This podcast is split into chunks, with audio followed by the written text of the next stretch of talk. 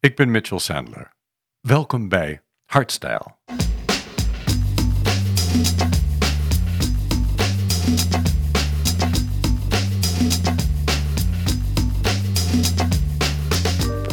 Welkom bij weer een nieuwe aflevering van Hardstyle.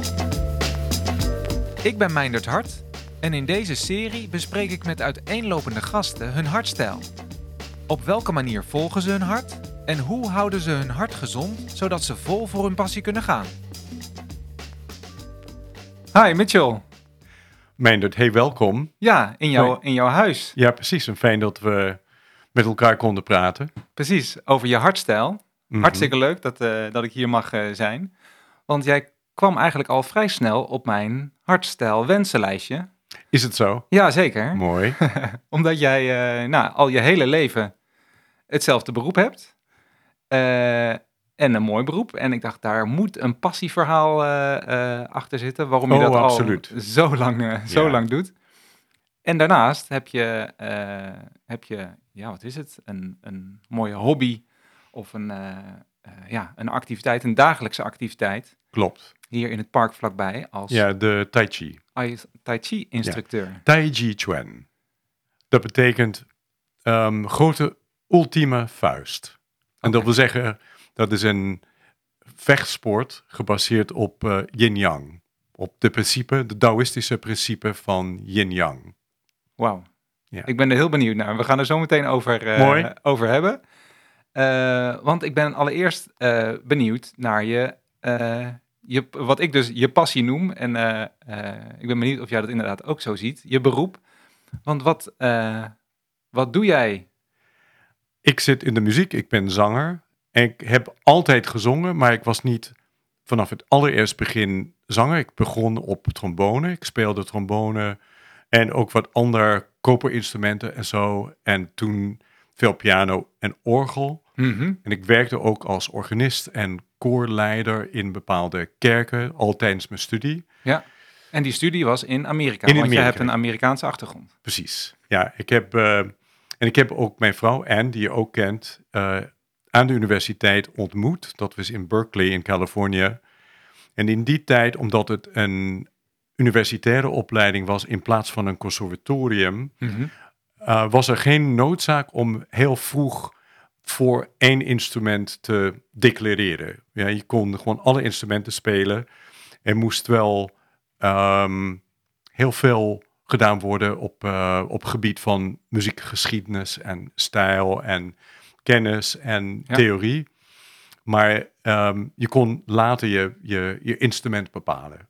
Dus ik was gewoon dan muzikus en ik speelde gewoon een heleboel verschillende instrumenten en zong. Ja, ja. En toen pas later heb ik echt eh, voor zang gekozen. En eh, ik voel me echt ontzettend gelukkig, want ik weet niet dat ik weet dat het wel moeilijk is om fulltime van zang te, te kunnen leven. Mhm. Maar het is mij gelukt. Misschien omdat ik een lage stem ben. Hè? Gewoon dat eh, als sopraan, als gewoon hoge stem, is er veel meer concurrentie of zo. En ik, maar ik heb gewoon een bijzondere lage, lage zangstem. En dat, Ja. is, dat is altijd inzetbaar. En, en Ook, Ook. ook hoe, hoe je deze podcast begon, net met Ja, een precies. heerlijke lage stem. ja, hey, soms, kan je, soms kan je ook langer doorgaan. Hè? Want ik ben eigenlijk voorbij mijn, mijn pensioen. Ik werkte bijna twintig jaar lang bij het Groot Omroepkoor in Hilversum. Mhm.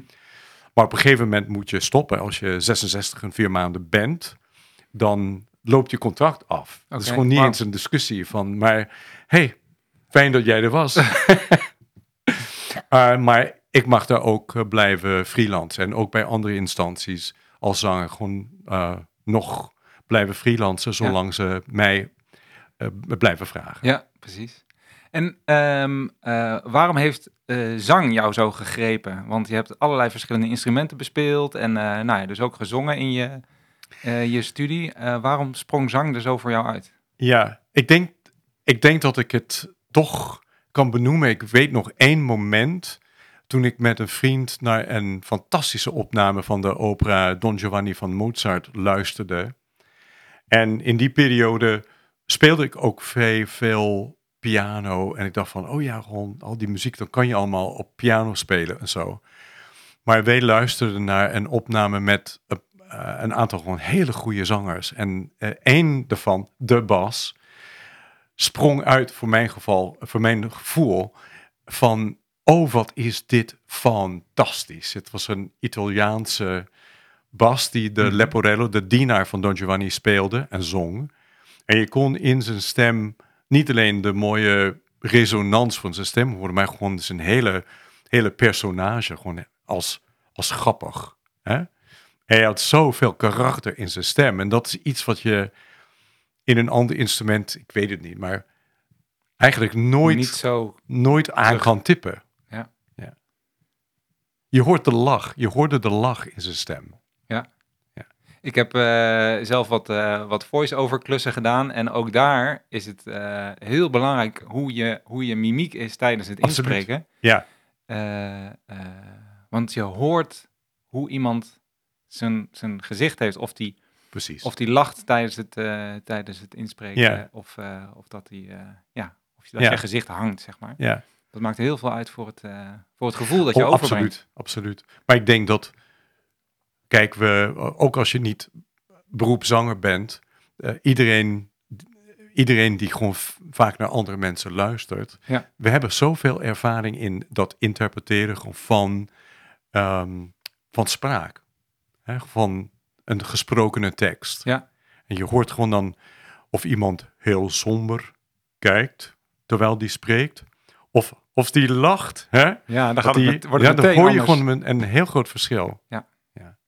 In eh, Amerika heb je ook bij een eh, bekend ensemble gezongen. Ja, klopt. Ik zong bijna vijf jaar lang met Chanticleer, een ensemble dat nog steeds bestaat.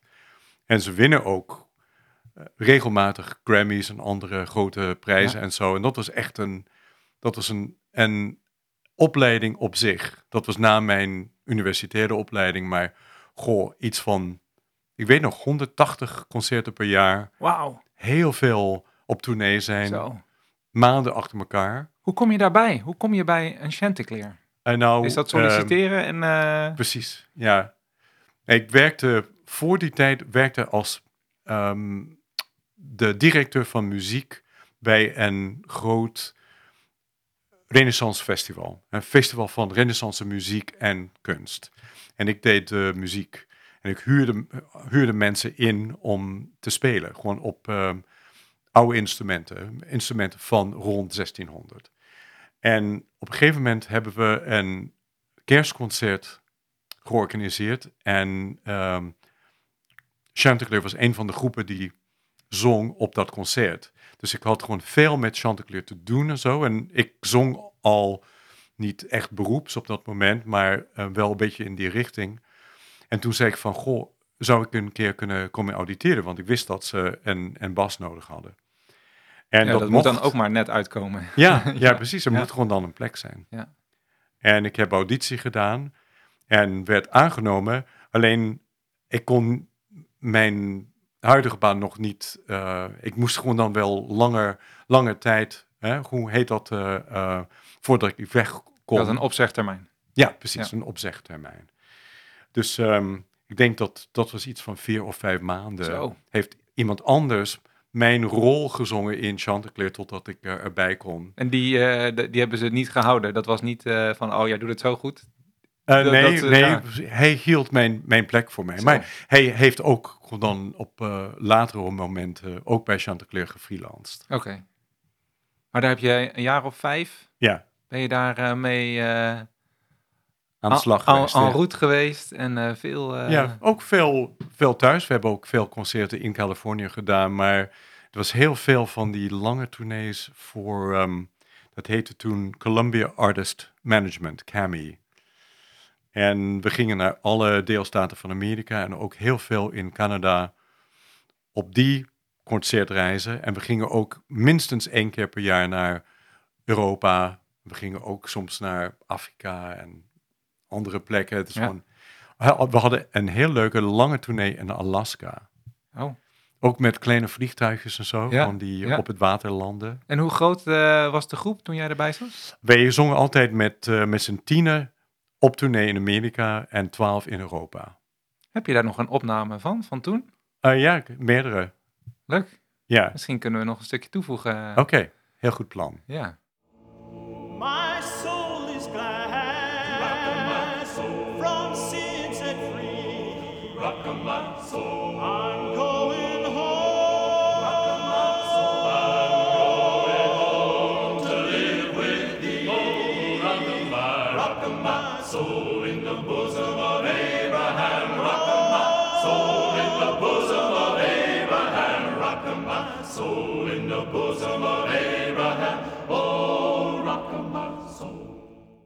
Waren jullie uniek in wat je, wat je deed? Of waren er meer van die, eh, van die groepen?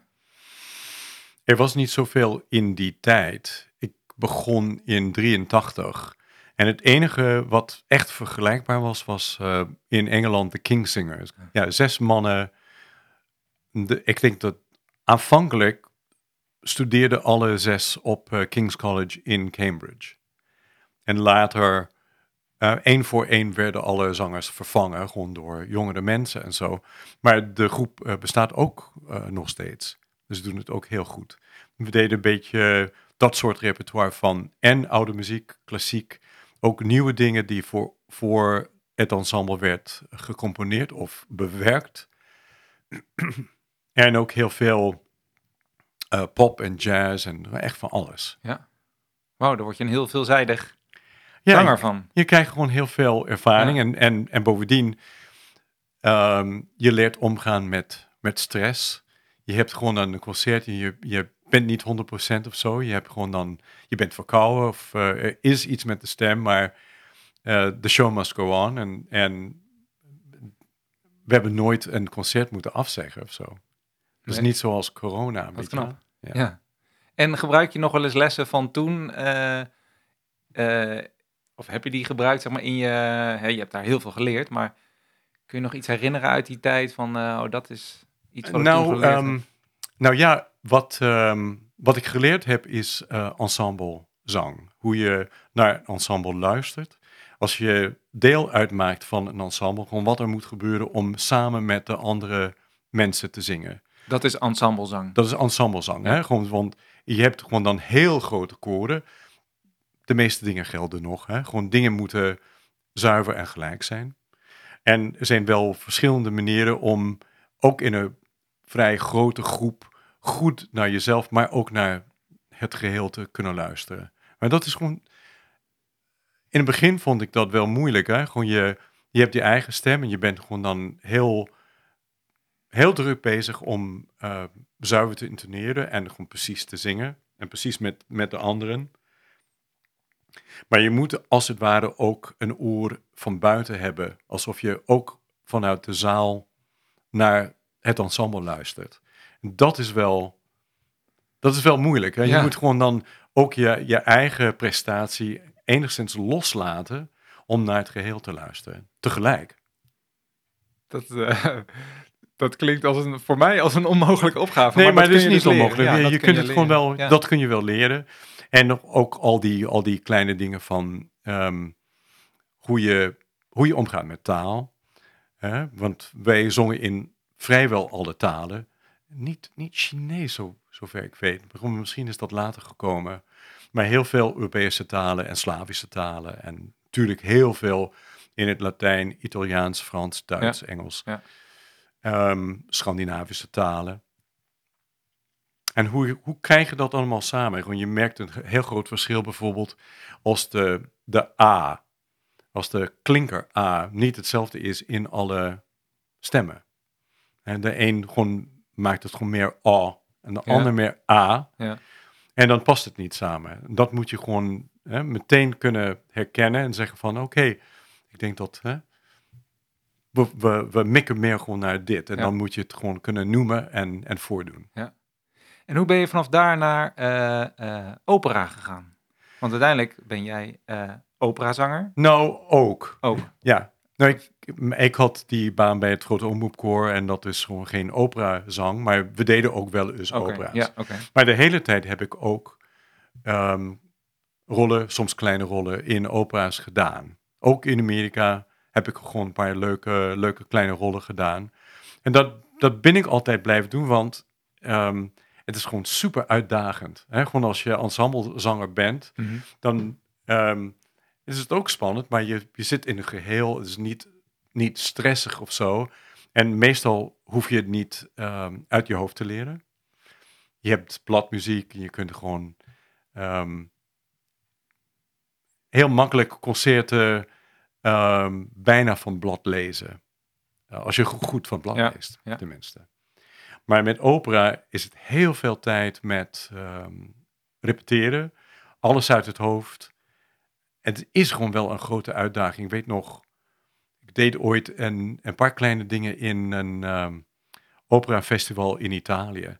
En toen dacht ik van, maar ik was gewoon een beetje, beetje laat met, met het besef dat, oh kijk, ik zing Italiaans in Italië. Gewoon als ik een fout maak, dan horen ze het meteen. Ja, ja. Terwijl gewoon, als je dat hier of in Amerika doet, gewoon dan niemand die het merkt bijna. Het klinkt nog steeds goed. Ja. En toen dacht ik van, wauw, dan, dan telt het echt. Hè? Gewoon, dan moet je echt heel goed precies zijn. Hè? Gewoon geen fouten maken. Heb En- je daar dan nog eh, eh, ook Italiaanse les, zeg maar, gehad? Omdat, Ja. eh, Ja, voordat ik naar Italië ging, ik ging, ging voor een hele maand september voor een, een reeks ehm, voorstellingen van twee verschillende opera's en een, en een kamermuziekconcert. Ja. En in de, de hele zomer daarvoor nam ik intensieve Italiaanse les bij een bedrijf in San Francisco met een hele goede lerares, die ook een, een gewoon een goede vriendin is geworden. En ehm, dat vond ik geweldig. Ik ging drie of vier dagen in de week. Kreeg ook heel veel oefeningen thuis en zo. En ehm, naarmate dat, ehm, dat dat vorderde, gewoon, kon ik ook gewoon dan met haar gesprekken voeren. En toen gingen we soms door de stad lopen en ze zei van, oké, wat, wat zijn die mensen aan het doen? Weet je wel? Ja. En dat moest ik hè, vervolgens precies. Vertalen, vertellen, ja. vertellen in het eh, Italiaans. Precies. Dus toen ik naar Italië ging, ehm, was, dat, was dat al redelijk. En na de Italië-reis heb ik weer les eh, van haar gehad, samen met Anne. Maar toen was het, ehm, ging het over het lezen van eh, Tasso, een grote renaissance dichter. En je noemt net eh eh en eh, jullie zijn vanuit Amerika naar Nederland gekomen. Ja, Hoe, eh, eh, wat was daar de reden voor? Nou, ehm, wij deden in die periode eh, met Chanticleer, maar ook met andere ensembles, deed ik heel veel oude muziek. Wat, ehm, wat ik bedoel met oude muziek, muziek uit de renaissance en barok periodes. Dus 15e, 16e, 17e eeuw. En dan later ook de 18e eeuw. En ehm, dat was voor mij een groot gemis met Chanticleer, omdat we bijna altijd ehm, a cappella zongen. Dat wil zeggen zonder instrumenten. En de meeste barok dingen zijn met een orkest, of tenminste clavicembal en een basinstrument. Ja. Dus dat, dat wilde ik heel graag. Dus ehm, wij lazen over een, fantastisch, een fantastische opleiding in barokmuziek uitvoeringspraktijk die ze in Den Haag gaven en Mhm. geven nog steeds. En we dachten van, hé, hey, zullen we daarheen? Het is eh, een certificaat van twee jaar, een soort master, Ja, ja. die je doet in twee jaar. En daarna kunnen we met de kennis die we in, in Nederland eh, eh, vergaard hebben, kunnen we terugkeren naar Amerika en een grote carrière maken in de oude muziek.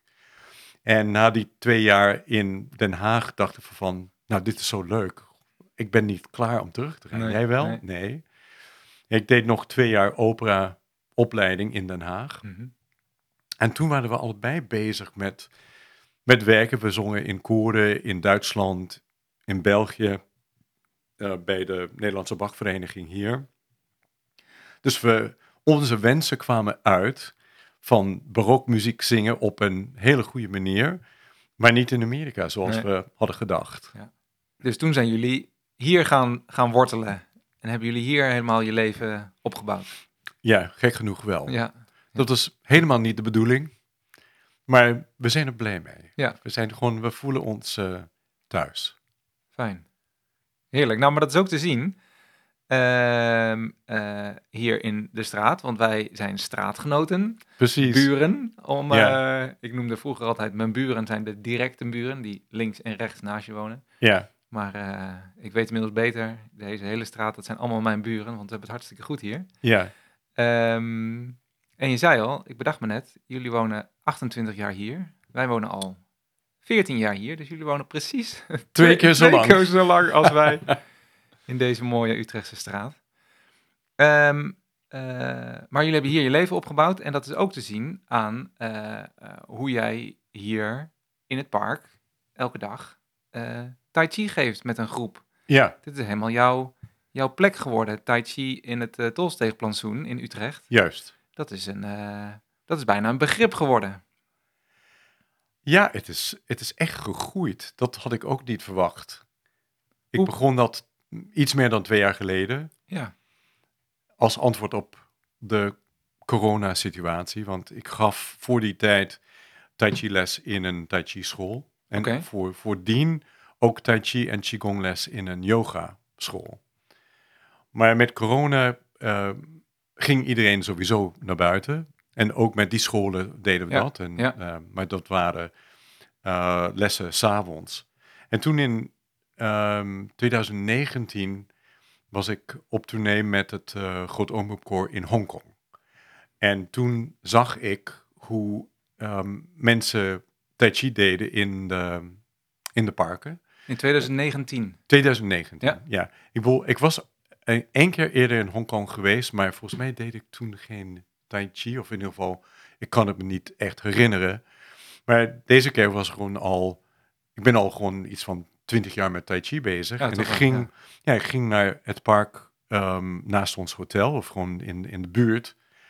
En daar kwam ik meerdere groepen tegen die allerlei soorten ochtendoefeningen deden inclusief Tai Chi en precies dezelfde stijl van Yang-stijl Tai Chi, wat ik doe. En ze zeiden meteen tegen me van, maar jij speelt ook Tai Chi, oh wat heerlijk, speel dan mee. Ja, ja. Want laten we even dus terug naar het begin. Eh, om te beginnen, wat is, wat is Tai Chi? Oké, het Tai Chi is een soort interne vechtsport. En ehm, eigenlijk is het een kung fu of wushu. Maar de stijl is anders dan de harde, of wat ze noemen, externe stijlen. Omdat... ehm, Wat is het verschil tussen intern en extern? dat ga ik gewoon dan eh, proberen uit te leggen. De, de meeste kung fu stijlen, externe stijlen, ehm, gebruiken spierkracht en snelheid. En snelheid moet er ook zijn in Tai Chi, ook ehm, wanneer je mensen in een park ziet. Meestal zie je gewoon de vorm, de Dao Lu, of dat serie langzame bewegingen. En dat, dat oefen je eerst. Maar op den duur moet het gewoon net zo snel als welk ander vechtsport dan ook. Maar het verschil is dat de spieren zacht moeten blijven. In normale, alle soorten sport is het idee dat de, de actieve spier samentrekken. En harder worden en sterker worden. In Tai Chi proberen we dat te voorkomen door de spieren en het bindweefsel altijd zacht te houden. En je krijgt een ander soort ehm, sterkte daardoor. Niet dat samentrekkende sterkte, Nee. maar een ontspannen sterkte in welke de spieren zich verlengen. Het is echt heel bijzonder. En je kunt er gewoon echt heel, eh, heel bizar dingen mee doen. Mensen omver worpen, werpen. Maar, ehm, maar ook al de technieken die voorkomen in andere externe stijlen, zoals eh, slaan en schoppen en ook eh, klemmen, hè? gewoon voor de gewrichten en zo, en omverduwen, die bestaan ook in de, in de Tai Chi. Ja. En hoe ben je daarmee, eh, want je zegt je doet het al 20 jaar. Hoe ben je daarmee in aanraking gekomen? Ja, ik deed eerst een ander sport, Aikido. Dat is Japanse vechtsport. En daar ook is het niet zozeer de, de tegenstander overmeesteren met sterkte, maar er komt altijd een worp en een klem. Hè? Dus je, je voelt de richting van de aanval. Je gaat mee in die richting. En dan zijn er gewoon een heleboel technieken waarmee je de, de tegenstander werpt. En, ehm, Eigenlijk zo- de kracht van de ander gebruiken, zie ik het. eh, Precies, dat, dat wordt altijd gezegd. Nou, Ja. Dat is ook zo. Gewoon je gebruikt op dat moment geen, geen eigen kracht. Je laat gewoon de, de tegenstander het doen. Maar op het moment dat je de techniek toepast, ehm, komt er een worp. Tegenstander gaat tegen de grond, tegen de vlakte. En dan zet je een klem aan. Ja. En ehm, daarom wordt het gewoon heel vaak ehm, in Japan door de politie gebruikt. Want het is gewoon heel effectief wat dat betreft. Maar op een gegeven moment had ik last van al dat knielen in de, in de dojo. Ja. Nou, want je, gewoon, je zit gewoon de hele tijd op je knieën. En ook sommige technieken, als je het staand kunt doen, moet je het ook op de knieën kunnen uitvoeren. En ik kreeg gewoon dan een beetje slappe knieën daarvan. Ja. Dus ik dacht, nou, ik wil iets meer staan, maar dat, dat, ehm, dat soort vechtmentaliteit wil ik nog behouden. En toen heb ik martiale tai chi gevonden. Ook in Utrecht. En je bent daarin eh, onderwezen tot instructeur. Ja, klopt. Ik deed dat een aantal jaar en ehm, ben bij verschillende scholen geweest. En uiteindelijk heb ik een, een hele goede, wat oudere Chinese man eh, gevonden in Berlijn. Die ehm, dit mag onderwijzen en, en ehm, mensen certificeren. Dus ik, dat heb ik bij hem gedaan. En inmiddels, eh, dus sinds 2019, eh, of eigenlijk sinds 2020, coronatijd, Ja, klopt. dagelijks hier. eh, Ja, ik heb dat aangeboden en ehm, er komen steeds nieuwe mensen bij. Het is echt bijzonder. Ik krijg gewoon bijna, nou, misschien drie, vier keer per week gewoon... Ik heb net gelezen over de Tai Chi. Het lijkt me gewoon heel erg leuk. Mag ik bij jullie aansluiten? Ja. En het is heel vrijblijvend. Je hoeft je niet aan of af te melden. En niemand betaalt iets. nee, En je, je komt gewoon en dan doen we dat gewoon iedere dag. Een uur Tai Chi in, in het park. en wat, wat brengt het jou?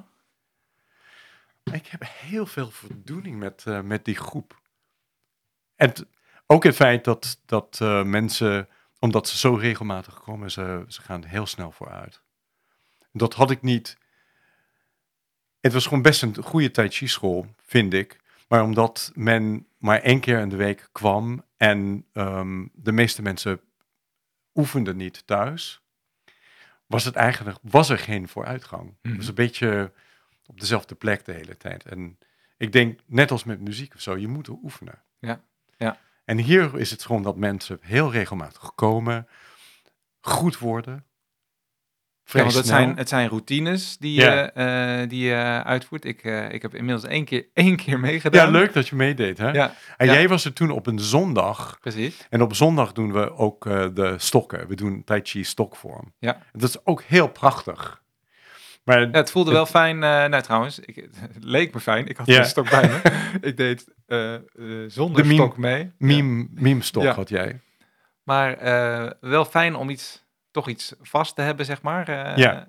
eh, natuurlijk de andere routines en oefeningen, dat is slaan en schoppen. En daar hoef je geen... eh, Ja. en klemmen inderdaad. Ja. Daar hoef je geen, geen stok voor vast te hebben. Want uiteindelijk heb je je tegenstander vast. ja, klopt. Maar wat je wel leert van, van de stokken, is dat de energie uit de grond moet komen. En dat moet je met het bekken sturen. Dat is gewoon het stuur van het lichaam. En uiteindelijk moet gewoon dat ehm, de hand bereiken. En met de stok moet je nog verder denken dat de energie uit de grond komt door het lichaam en, en via de hand tot het einde van de stok.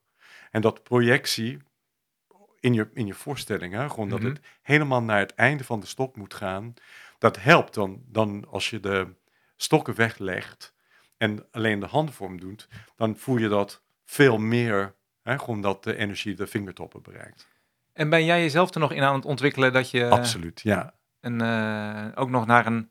Want er zijn verschillende eh, rangen. Je vertelde net eh, in ons voorgesprek, jij bent dan instructeur, maar je hebt ook meester en grootmeester. Zijn Ja, dat nog klopt. doelen die jij nastreeft?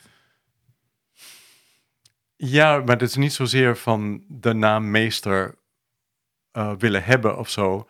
Maar ik weet precies waar ik naartoe wil. ik, had, ehm, ik had een aantal workshops gedaan met iemand die echt een, grootmeester is. Hij is een van de grootste op dit moment in de Tai Chi wereld. Eén keer was in Amsterdam en hij zei van, ehm, ik denk dat het eh, handig zou zijn gewoon als jullie ehm, mij willen voelen, gewoon probeer mij te duwen. Dus je, je mocht hem gewoon overal aanraken en zo. En ik had gewoon dan één hand op zijn borst en één hand op zijn schouder. En je zou wel zeggen van, ehm, als die normaal staat of zo, gewoon dan kan je hem gewoon dan wegduwen. Toch? Hij was niet, hij stutte niet met één been. Maar ook dat was dat wel het geval. Je denkt van, hij was niet bijzonder groot of sterk. ja. En, hè. Dus ik probeerde te duwen. En ik voelde mijn handen een beetje uit elkaar schuiven. En ik kon geen houvast vinden. Gewoon hij nam mijn kracht, een horizontale kracht. En hij wist dat door zijn huid naar de grond te brengen. En ik drukte in wezen tegen de grond van die zaal. Ja. Hij zei toen van, bij mij groeit het, groeit het ook. Gewoon, het was niet, vroeger was het eigenlijk niet zo sterk als nu. Maar nu merk ik dat mensen niet voorbij mijn huid kunnen komen. Dus ook bij heel sterke, grote, grote mensen kunnen ze hem duwen en gewoon dan niks vinden. Hè? Het is allemaal, voelt wel een beetje, beetje zacht en elastisch, Ja, ja, maar je- er is geen houvast. Je drukt op dat moment tegen de grond. ja. En ehm, ja, ik vind het machtig interessant. Ja, Ik zit even te zoeken naar, eh, het ziet er in het, eh, hè, als jullie dat als groep doen, het ziet er heel, eh, heel rustgevend uit. Dus gebruiken mensen het ook om even te onthaasten, zeg maar, uit hun dagelijkse sleur en eh, even met jou rustig. ja. Nou, ehm, dat zou wel kunnen, maar ik zie het niet als soort een ontspanningsoefening van ehm, gedachten op hol of zo. Nee. Het is eigenlijk heel veel eisend dat je, dat je eerst de juiste ehm, ontspanning en loslaten moet vinden. Mhm. En dat vinden we in staan, stilstaan, Ja. stilstaande oefeningen. En dat, dat hanteren ook wanneer we bewegen in al die ingewikkelde bewegingen van de Tai Chi. Mensen zijn gewoon dan meer, of in ieder geval, wat ze vaak zeggen in het begin is dat ze zo bezig zijn met ingewikkelde bewegingen. Ja, ik merk dat ook. Mijn, Ja, had je dat ook? Ja, ja. Ja, kan me voorstellen. Maar die zijn minder belangrijk. De ontspanning en dat zongen, dat loslaten is het allerbelangrijkste binnen de structuur. En dan al de, al de kleine Ja. bewegingen die we maken, die, zijn, die, die leer je wel. Ja. Weet je wel. Maar het idee is dat ehm, in dat staan, dat je structuur maakt. De ontspanning, dat loslaten. En dat met je, met je aandacht, dat je je heel lichaam, ehm, hoe heet dat, bewust maakt. Gewoon van alles binnen je hu- huid is Ja.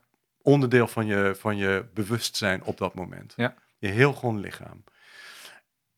En de meeste mensen, ze zeggen van, nou, ik wil gewoon ontspannen of zo. Maar wat, wat er vaak gebeurt is dat we, nou, ik ook hoor, je denkt aan andere dingen. Je bent gewoon dan, hè, je, je krijgt gewoon een opdracht. We gaan eh, proberen ehm, de bewustzijn vast te houden in de, in de buikholte. Ja. Daar is gewoon waar we, waar we ademen. En dat hou je gewoon een- wel een paar minuten vol. Maar op een gegeven moment dan denk je van, oh ja, en ben ik vergeten, die e-mail, die zou ik gewoon dan morgen schrijven. Eh, kan ik dat later doen? Maar gewoon, ik- we zijn gewoon hier Mm, tot een mm. uur of tien, weet je wat ik doe? Ja, precies. En je moet, het is net als zittende meditatie, op dat moment moet je dat ook loslaten en zeggen van Ja. nee, dat was de opdracht niet. Ja, gedachten trainen, dat je dat... Pre- Precies, dat het op een heel kalme manier gewoon blijft waar je hem zet. Ja. Waar je hem wil hebben. En dus heel goed daarmee, als je dat eh, eh, kunt, heel goed je, je lichaam leert kennen en leert voelen en leert scannen. En ben ik overal, hangt mijn weefsel, zeg Ja. maar. Ja, Eh, en dus uiteindelijk ook dat je het zelfs bij, je, bij een partner, bij een sparringpartner precies. kunt voelen. Die zelfkennis. En dus het is wel moeilijk om gewoon, ehm, als je beweegt, je heel lichaam gewoon in het gereel te houden. Maar stel dat je dat wel doet, dan ben je pas in staat om gewoon ook de situatie bin, binnen eh, een partner zijn lichaam te voelen. En ehm, eh, helpt de Tai Chi eh, jouw, eh, jouw zang, zeg maar? Heeft dat nog effect op elkaar? Ja, heel erg. Ja? Ja, het is, ehm, we zijn nauw met elkaar verbonden. Eén is de ontspanning, want dat moet er ook zijn in het zingen. Maar de, de buikademhaling is gewoon dan ook noodzakelijk voor, voor zingen. Ja. En ook dat, ehm hoe heet dat, late zak van het eh, zwarte punt binnen het lichaam. En bewustzijn van, van het lichaam en ehm, technieken hebben om spanning, overtollige spanning weg te werken. En Dus heb je die, heb je die bij de, eh, in, je, in je beroep bij het zingen, eh, komen die voor, zeg maar, waardoor je door de Tai Chi, dat je dat beter kwijt kunt? Ja, absoluut. Ik bedoel, ehm, iedereen die zingt, heeft een manier om gewoon met, met zenuwen om te gaan en Ja. met lage ademhaling weg, ja, om te gaan. Maar dit heeft mij enorm geholpen. En ik dacht in het begin van, ehm, ja, omdat ik iets doe, gewoon iets lichamelijks of zo, gewoon dan Ja. ben je in principe gezonder. Ja, Dan ga je gewoon fitter, misschien gewoon eh, langer gezond zingen. Maar nu zie ik toch gewoon dat ze eigenlijk hetzelfde zijn. In feite, ik weet nog, één keer in Berlijn, mijn leraar wilde altijd een soort brug maken tussen mijn beroep en Ja, Tai Chi. ja. Zo, vertel meer gewoon over, over jouw zingen. Zo. En ik dacht, nou, ja, ehm, zingen gewoon moet je gewoon het volgende doen met, eh, met de ademhaling. En ik had hem gewoon dan zangers a- ademhaling laten zien. Gewoon waar je, je eigenlijk een soort ehm, ehm, expansie voelt in de buikholte. Hè, gewoon dat is dan de steun. En hij, hij wees zei van, maar dat is Tai Chi, man. gaaf. Daar doe je Tai Chi. Ja. Ja, gaaf. Dat is, ja. Eh, ik zie een beetje het eh, stuk van onderwijzen en eh, mensen helpen ehm, ergens beter in worden. Dat gebeurt bij Tai Chi, maar je vertelde me eerder ook dat je bij het zingen eh, ook mensen coacht of groepen. ja, dat klopt. Dat was niet echt mijn eh, bestaan. Mhm. Ik bedoel, ik, ik leef er niet van. Maar ehm, vaker nu word ik gevraagd om eh, ensembles te coachen. Ja. Koren. En vaak val ik in voor dirigenten, gewoon als ze of ziek of verhinderd worden. Ja. En dat vind ik wel leuk.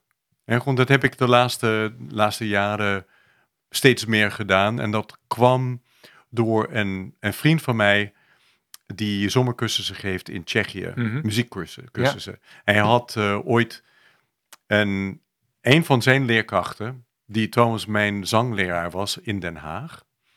Hij kon niet. eh, hij kreeg te horen dat zijn, dat zijn eh, schoonmoeder op sterven lag. Ja. En zou ik gewoon dan heel snel ehm, een stuk kunnen instuderen en naar Tsjechië gaan om een, een koor mee te helpen. En dat ging zo goed. Een beetje onverwacht. En de vriendschap tussen, tussen mij en eh, degene die feitelijk de directeur is van die, van die muziekcursus, Ja. dat ging zo goed. We zijn gewoon heel, hele goede vrienden geworden. Hij woont ook dichtbij, hij is bijna een buurman. En ehm, dus dat heb ik nu twintig jaar gedaan. Gewoon, ik ging iedere zomer naar Tsjechië om meerdere zangcursussen hè, van ehm, zangers en koeren Ja. te coachen. En nu dus ook de Tai Chi eh, groep, of middels alweer eh twee jaar. Is dat? Ja. eh, Ja, dat is, ja, dat had ik niet verwacht, maar gewoon dat is er wel een beetje gegroeid de laatste jaren. Dat de, de, de leraarkant van Ja. mijn wezen. en wat, eh, wat vind je daarin belangrijk? Ik weet het niet, maar ik heb gewoon enorm veel plezier aan. Om andere mensen Te helpen met beter te maken. Ja, Ja. het geeft me gewoon echt. eh, ik voel me gewoon heel erg op mijn plek. Ik had ehm, weer in mogen vallen voor, eh, voor twee repetities onlangs. Het is gewoon een paar weken geleden. En de een was een stuk in het Tsjechisch. Mhm. En dit was eh, voor dat koor hun eerste repetitie met dat stuk, wat ze tegen de kerst gaan uitvoeren. En ik zing ook in dat concert als de bassolist. Maar de, de dirigent kreeg corona en kon ik invallen als dirigent. En ik vond me echt gewoon ontzettend op mijn plaats. Gewoon al was ik niet echt voorbereid, maar ik heb dat stuk eerder gezongen. Ik kan piano spelen en, en koor dirigeren tegelijk. En ik kon ze helpen met het eh, Tsjechische uitspraak. Ja. Dus ik dacht van, eigenlijk ben ik de aangewezen persoon voor zoiets. Hè? En ik, het gaf me gewoon een heel goed gevoel. En twee of drie nachten later was een ander programma voordat diezelfde dirigent die nog steeds corona had. En dat vond ik ook heel leuk met hun programma Ja. hè, coachen. Wat gaaf dat je daarin dan ook je, ja, toch een passie lijkt te hebben gevonden. Ja, klopt. Alhoewel, ik denk niet dat ik... Het is niet zozeer dat ik ambieer dirigent te worden. Maar dat ik eh, soms een repetitie kan leiden voor een koor of een klein ensemble. Dat geeft heel veel Ja. voldoening. Ja. Toen ik wist dat ik weg moest uit het omroepkoor, zag ik er heel erg tegenop. eh omdat juist in de coronatijd was het alleen de beroepsensembles die echt fulltime mochten Ja. werken en blijven zingen. Ik wilde gewoon blijven zingen. Ja. Maar eh, ik wist dat ik moest stoppen. Dus had ik een aantal sessies met de, met de loopbaancoach. Ja. Om dat te bespreken. Wat, ehm, wat zou ik kunnen doen Mhm. om ervoor te zorgen dat ik eh, kon blijven zingen. Ja. En zij had gewoon een beetje een ander insteek. Ze zei van, nou je bent eh, op leeftijd. ehm, is het niet interessanter voor jou om nu de oude wijze man te zijn en anderen op weg te helpen? En ik zei, nou, ehm, dat mag ook. Maar in principe wil ik blijven zingen. En heeft zij daarmee dan misschien een... eh, want één, je bent blijven zingen.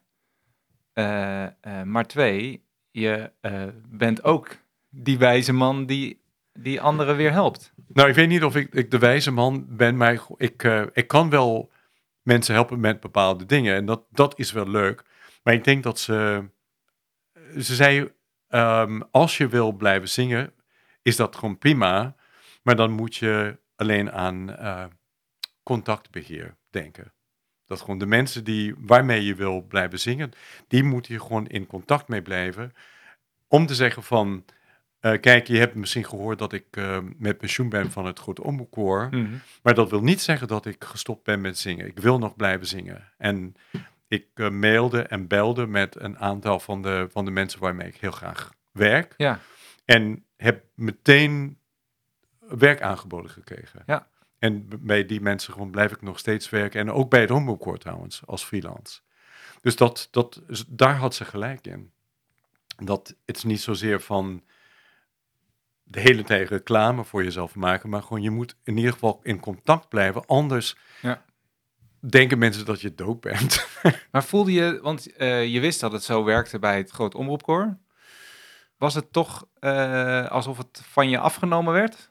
Nou, ik dacht, ik vond het wel een beetje oneerlijk. ehm, alleen in die zin dat, dat we heel veel leuke dingen hadden gepland voor, Mm. Met name voor 2020. Ja. We zouden bijvoorbeeld een lange tournee doen met, eh, met werken van Mahler. Overal in Europa. Ik dacht van, groot Mahler-festival. Oh, dat is zo heerlijk om te zingen. Ik dacht van, nou, misschien kunnen ze, als ze niet vinden dat, dat mijn stem te, te oud klinkt of zo, Ja. gewoon dat is een ander ding, maar gewoon dat, dat bleek niet het geval te zijn.